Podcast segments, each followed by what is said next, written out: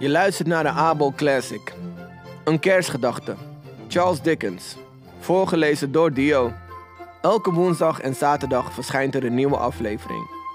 Abonneer je in je favoriete podcast-app, laat een review achter en mis geen enkel luisterverhaal van Abel. Aflevering 4. De geest van de toekomst. Scrooge kon niet lang slapen die nacht. Hij had nog maar net zijn ogen dicht gedaan toen hij het enorm koud kreeg. Bibberend ging hij rechtop in bed zitten. Op dat moment hoorde hij de kerkklok. Bim bam. Bim bam. Het was twaalf uur. Scrooge kreeg het nog kouder. Een ijzige mist verspreidde zich door zijn slaapkamer. "Ah!" gilde Scrooge. In de hoek van zijn kamer stond een geest. De derde geest waar Marley voor had gewaarschuwd. De geest had een zwarte mantel aan met een kap die zijn gezicht verborg. Scrooge kon alleen zijn witte hand zien. Hij had nu al drie geesten ontmoet, maar deze was de eerste die Scrooge echt bang maakte. Ben jij de geest van de toekomst? vroeg Scrooge. De geest antwoordde niet, maar wenkte hem met zijn vinger. Ga je me nu de toekomst laten zien? vroeg Scrooge. Het leek alsof de geest knikte, maar Scrooge wist het niet zeker. Geest, alsjeblieft. Ik, ik wil weten wat we gaan doen. Waarom zeg je niks? Hij kreeg geen antwoord. De geest wenkte hem opnieuw met zijn vinger. Ga jij maar voorop, zei Scrooge. Daarop liep de geest de deur van Scrooge's huis uit. Scrooge volgde hem op de voet. Ze liepen de donkere stad in, tot ze in een straat kwamen met kroegen en restaurants. Zijn we al in de toekomst? zei Scrooge, maar de geest antwoordde niet. De geest wees naar een klein groepje zakenmensen die voor een restaurant stonden te praten. Scrooge stopte en luisterde naar hun gesprek. Nee, zei een lange man. Ik weet er ook niet veel van. Ik weet alleen dat hij dood is. Wanneer is hij gestorven? vroeg een ander. Gisteravond, eh, geloof ik. Wat was er met hem aan de hand? vroeg een derde. "Eh, ik zou het niet weten, zei de eerste met een geel. Wat heeft hij met zijn geld gedaan? vroeg iemand. Geen idee. Misschien heeft hij het aan zijn familie nagelaten. ik heb het in ieder geval niet. De mannen lachten. Het wordt waarschijnlijk een rustige begrafenis. Maar volgens mij had hij geen vrienden. Misschien moeten wij maar gaan. Voor de grap. Als er gratis lunch is, dan vind ik het prima. Er klonk weer gelach. Scrooge keek naar de geest voor een verklaring. Hij had geen idee over wie deze mensen het hadden. Hij snapte niet veel van deze reis naar de toekomst. Hij wachtte nog steeds tot hij zijn toekomstige zelf kreeg te zien. Hij was benieuwd of hij was veranderd. Maar de geest zei niks en liep een andere straat in. Via een steegje kwamen ze terecht in een vervallen tweedehandswinkel.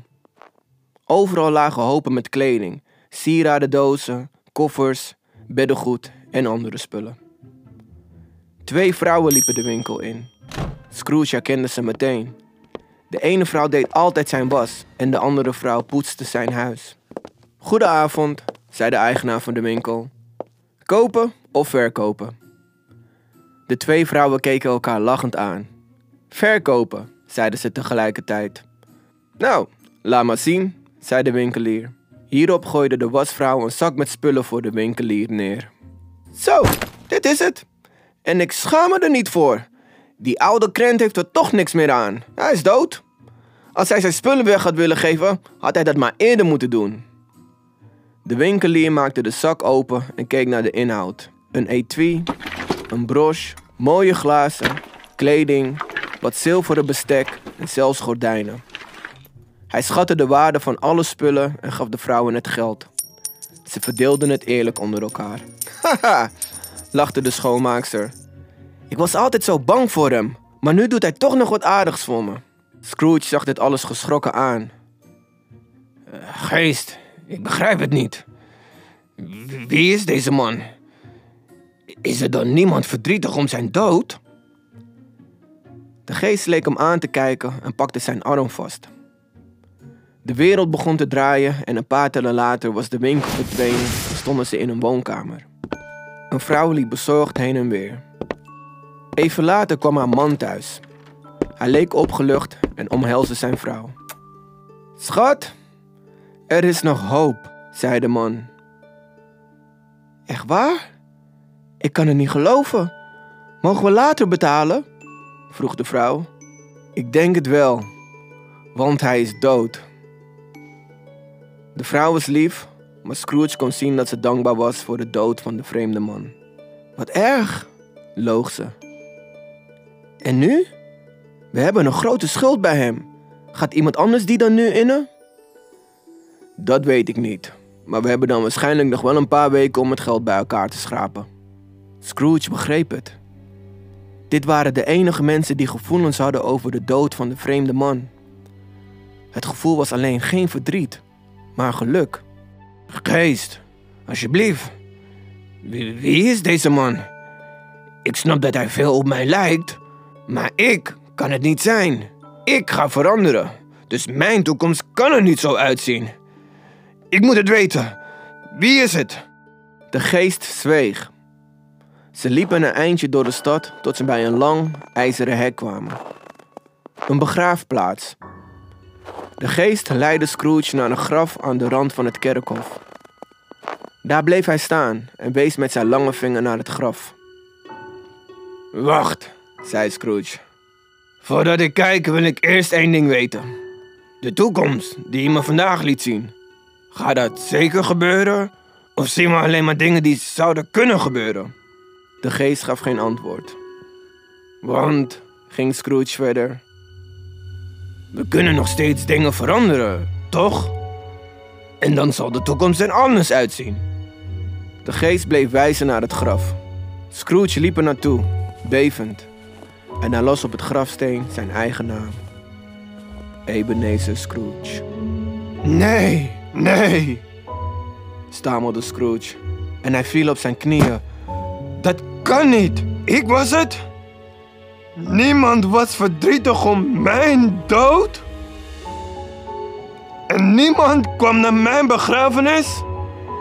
Behalve een paar kennissen die een gratis lunch wilden.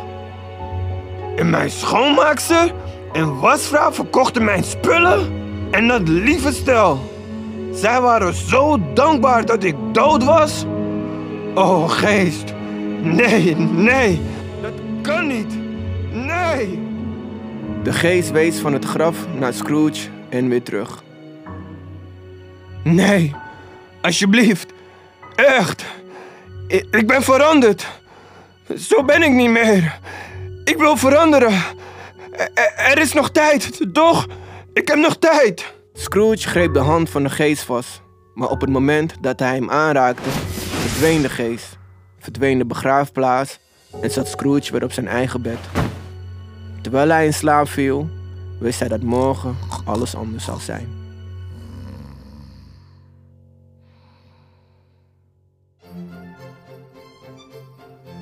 Je luisterde naar een Abel Classic. Elke woensdag en zaterdag verschijnt er een nieuwe aflevering. Abonneer je in je favoriete podcast-app, laat een review achter en mis geen enkel luisterverhaal van Abel. Tijd voor audio, tijd voor Abel.